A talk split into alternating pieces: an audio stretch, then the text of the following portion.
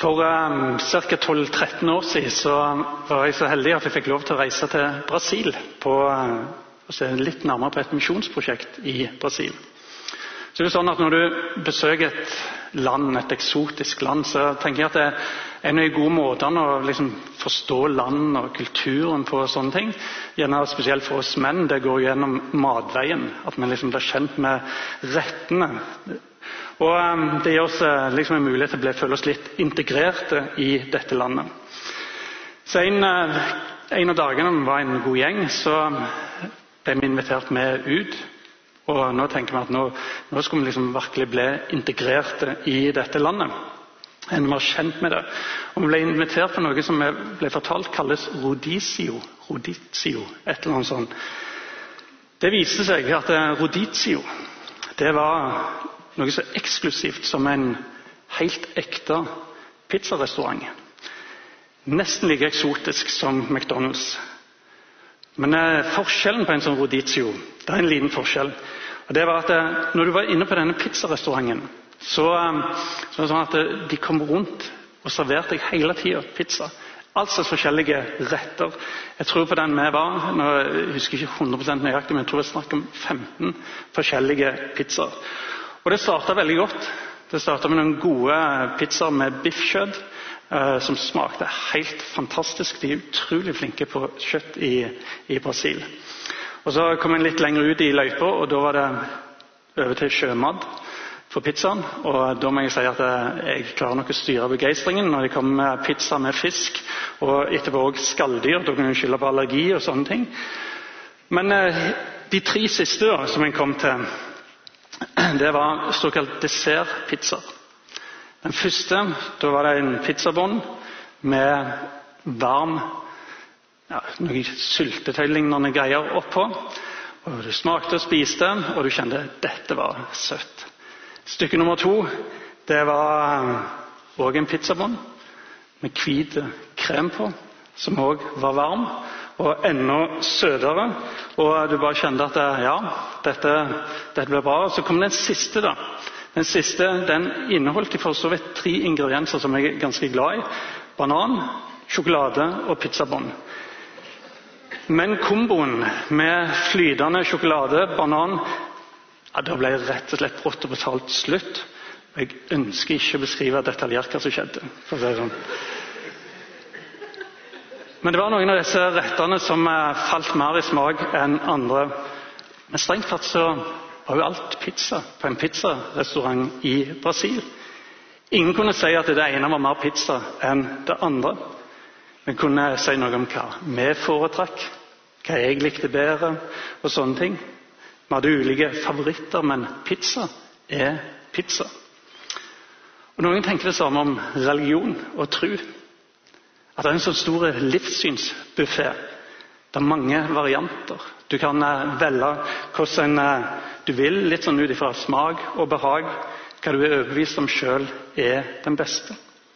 For Det er ikke sånn at det står ikke en plass at enhver blir salig i si tru. At det viktigste er å tro. Det er jo ikke så nøye hva du tror på. For tru er tru, sånn som pizza er pizza. Du har sikkert møtt denne holdningen, denne tanken sjøl. Noen påstår det hardnakka, at det er ei suppe alt sammen. Andre er mer spørrende. Derfor tenkte jeg vi skulle se litt i temaet i dag. Vi har noen tema å snakke om 'Jeg spør for en venn'. Og Da tenkte jeg skulle spørre er alle religioner egentlig like, når alt kommer til alt. Jeg har møtt, og Du har sikkert møtt også mennesker som lett ville sagt ja, det er de. Å hevde noe annet enn det, det ville du ha fått et stempel på at eh, du har en mangel på toleranse, og du er dømmende. Og Det er kanskje den største utfordringen som vi ofte møter i dag. Og det er akkurat ordet toleranse. Det ordet det opplever jeg har endra seg veldig i løpet av livet mitt. Når jeg gikk på videregående, så hadde vi en veldig god norsklærer. Han var politisk engasjert og ville at vi skulle være politisk engasjerte sjøl. Så han kjørte masse sånne debatter i klasserommet. Og Det var debatter som gikk på ganske dypt vann.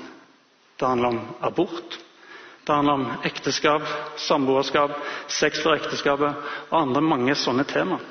Og De diskusjonene de kunne være ganske høylytte når vi gikk på videregående og vi hadde alt ved det. Samtidig så opplevde jeg at han utfordret hele tida på det å ha toleranse for andre sine meninger. Det å våge å stå i den spenningen som forskjellige meninger kan skape. Å stå i den spenningen hvor noen påsto at abort er drap, mens andre mente det handlet om kvinnerettigheter. Det var ikke alltid lett, men det krevde toleranse. De siste 10-15 åra tror jeg toleranse har fått en annen definisjon. I dag så tror jeg toleranse handler mindre om å kunne tåle å stå i en spenning hvor noen mener noe er rett og noe er galt. Men at det, det eneste som er rett i dag, eneste måten du kan være tolerant på i dag, er å si at ingenting er rett eller galt. Og Da vil du si også at ja, dypest sett så er alle religioner like. Det handler kun om hva type akkurat du foretrekker. Å finne sin religion det er nærmest å gå på en sånn brasiliansk pizzarestaurant. Det er egentlig bare snakk om hva vei velger du til Gud så er alle religioner like. Hva tenker du? Er det sånn at det dypest sett så blir alle salig i si tru? Hvis vi hadde spurt de store verdensreligionene, hva ville de sagt? De ville absolutt ikke vært enige. Ingen av de store verdensreligionene ville hevde det. Og Min erfaring er at utsagnet om at alle religioner er like, det er veldig ofte sagt av mennesker som kanskje ikke har så veldig tydelig livssyn sjøl. Iallfall ikke satt seg veldig inn i det. Alle religioner er ikke like. Og Jeg syns jo, for å være helt ærlig, at det er lettere å kunne si det og diskutere det med en gjensidig toleranse med en muslim eller en hinduist eller buddhist. Og det å kunne møte både hans eller hennes tro med respekt, samtidig oppleve en gjensidig respekt, det syns jeg er lettere med folk som har tro, enn å møte de som hardnakka i toleransens navn påstår at alle religioner er like. For Leser vi i Det nye testamentet, så ser vi at det er en problematisk tanke at alle religioner er like. For Jesus sier om seg sjøl, som vi hørte i filmen, 'Jeg er veien, jeg er sannheten, og jeg er livet'. Ingen kommer til far uten meg. Dermed vil Jesus være ekstremt intolerant i dagens målestokk. For det han burde sagt i dagens sånn toleransespråk, det var 'Jeg er én av veiene'. Jeg er én av sannhetene. Jeg er en av de livene som du kan velge som et alternativ. Men Jesus sa ikke det. Han presenterte seg ikke selv som eh, et alternativ, men han presenterte seg som selve alternativet. De første kristne de tok dette med seg. Derfor sier Peter det fins ikke frelse i noe annet navn, for under himmelen er det ikke gitt menneske noe annet navn vi kan bli frelst med. Enda et ekstremt intolerant utsagn fra Bibelen om andre religioner. Fra Det nye testamentet der legges det ikke opp til veldig en egen religion som rodisio, pizzabuffé eller eh, som du kan velge på. Men det utfordres til å velge den religionen. Og hva skiller? En av de tingene som skiller, er at det er ingen andre religioner som vil hevde at det kommer en person som dør for mine og dine synder. At det kommer en person som dør for alt det galne som du har gjort. Noen religioner vil hevde at synd at det egentlig bare en sosialt konstruert problemstilling. Eller du har noen retninger som legger mer vekt på det åndelige. Snakker om synd, det hører til det fysiske. Du skal bare kvitte med alt det fysiske, og sånne ting, og så skal du bli fri fra det fysiske og det materielle. Andre religioner vil hevde at synd det fins, men min og din oppgave som mennesker det er å gjøre akkurat nok gode gjerninger, sånn at det, blir balanse i regnskapet. Helst at du kommer ut med pluss, at du har gjort flere gode gjerninger enn dårlige gjerninger. Sånn at du gir deg fortjent til billetten til paradis eller himmelen. Det Bibelen sier, det er jo at vi ufortjent tar imot denne frelsen. Gjennom at Gud sjøl ble et menneske. At Gud sjøl døde for oss. Og Ikke bare skiller den kristne tro seg med at Gud ble en frelser gjennom å dø for oss, men òg at han sto opp igjen. Oppstandelsen det var jo selve kjernepunktet for disiplene. Det gjorde at For dem så var det ikke sånn at absolutt alle religioner var like. Disiplene var kjempebevis på, og de gjennomgikk store lidelser for at de tenkte at kristendom eller Jesus det er eksklusivt. For romerne hadde det ikke vært et problem hvis de første kristne hadde bare sagt at Jesus er en av alle disse gudene du kan velge. En av mange, sånn som en snakker om i dagens toleranse. En på den store pizzabuffeen. Det har ikke vært et problem for romerne så lenge de kunne innlemme alle de andre.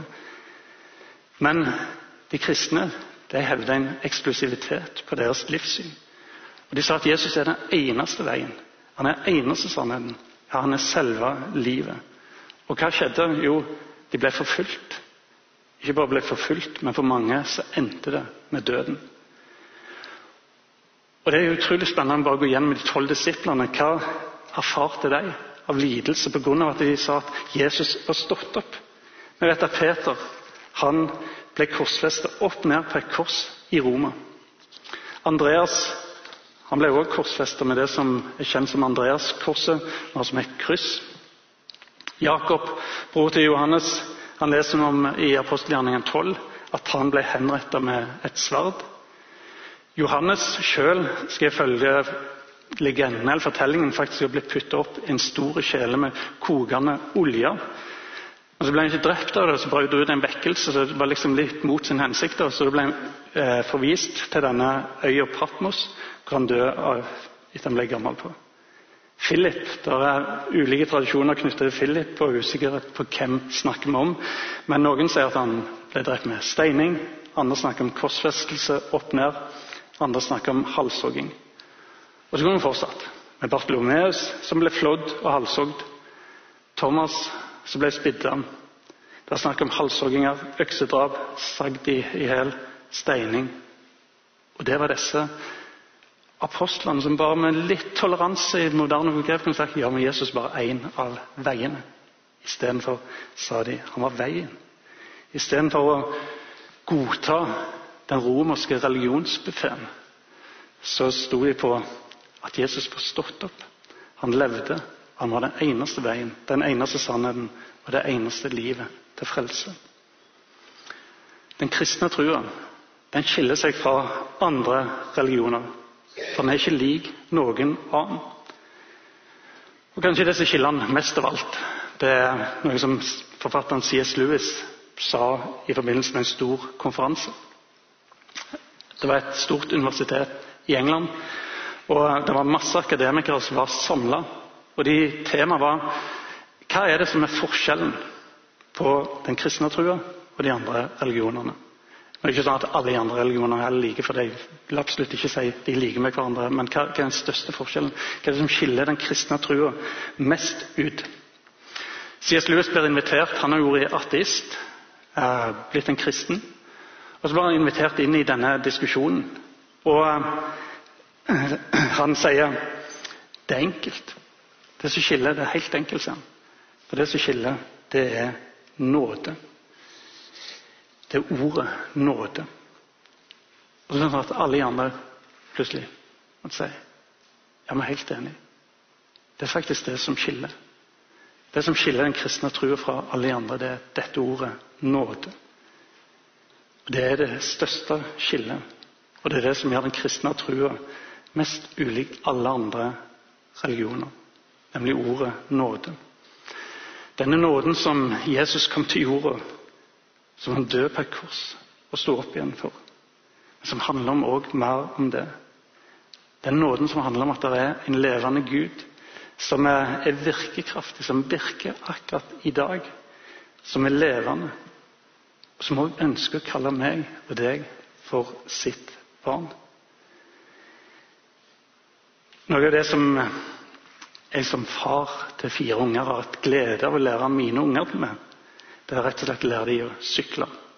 Um, og Som firebarnsfar så skal jeg innrømme jeg har sprunget noen kilometer. etter en sykkel for å prøve å få dem til å sykle. For ikke å si mil. Jeg skal ikke skryte veldig på meg. Jeg tror jeg har sprunget ganske mye for å prøve å få dem til å sykle.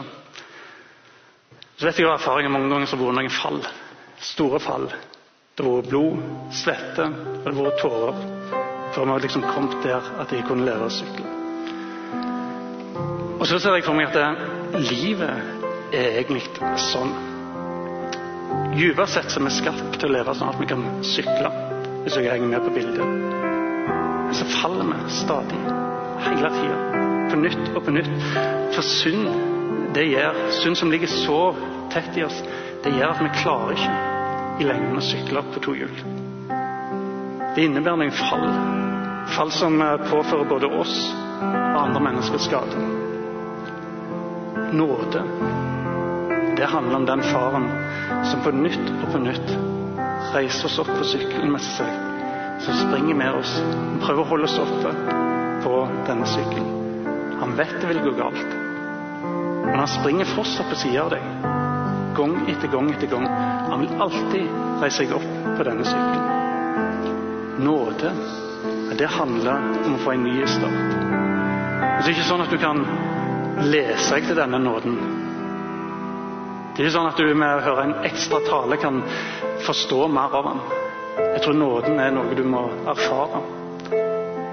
Den kan kun erfares i en relasjon. Og Det er det som gjør den kristne tro så unik. At det ikke er å koble seg på en eller annen livsfilosofi eller noe sånt. Men det er at du er blitt invitert til en relasjon med Jesus.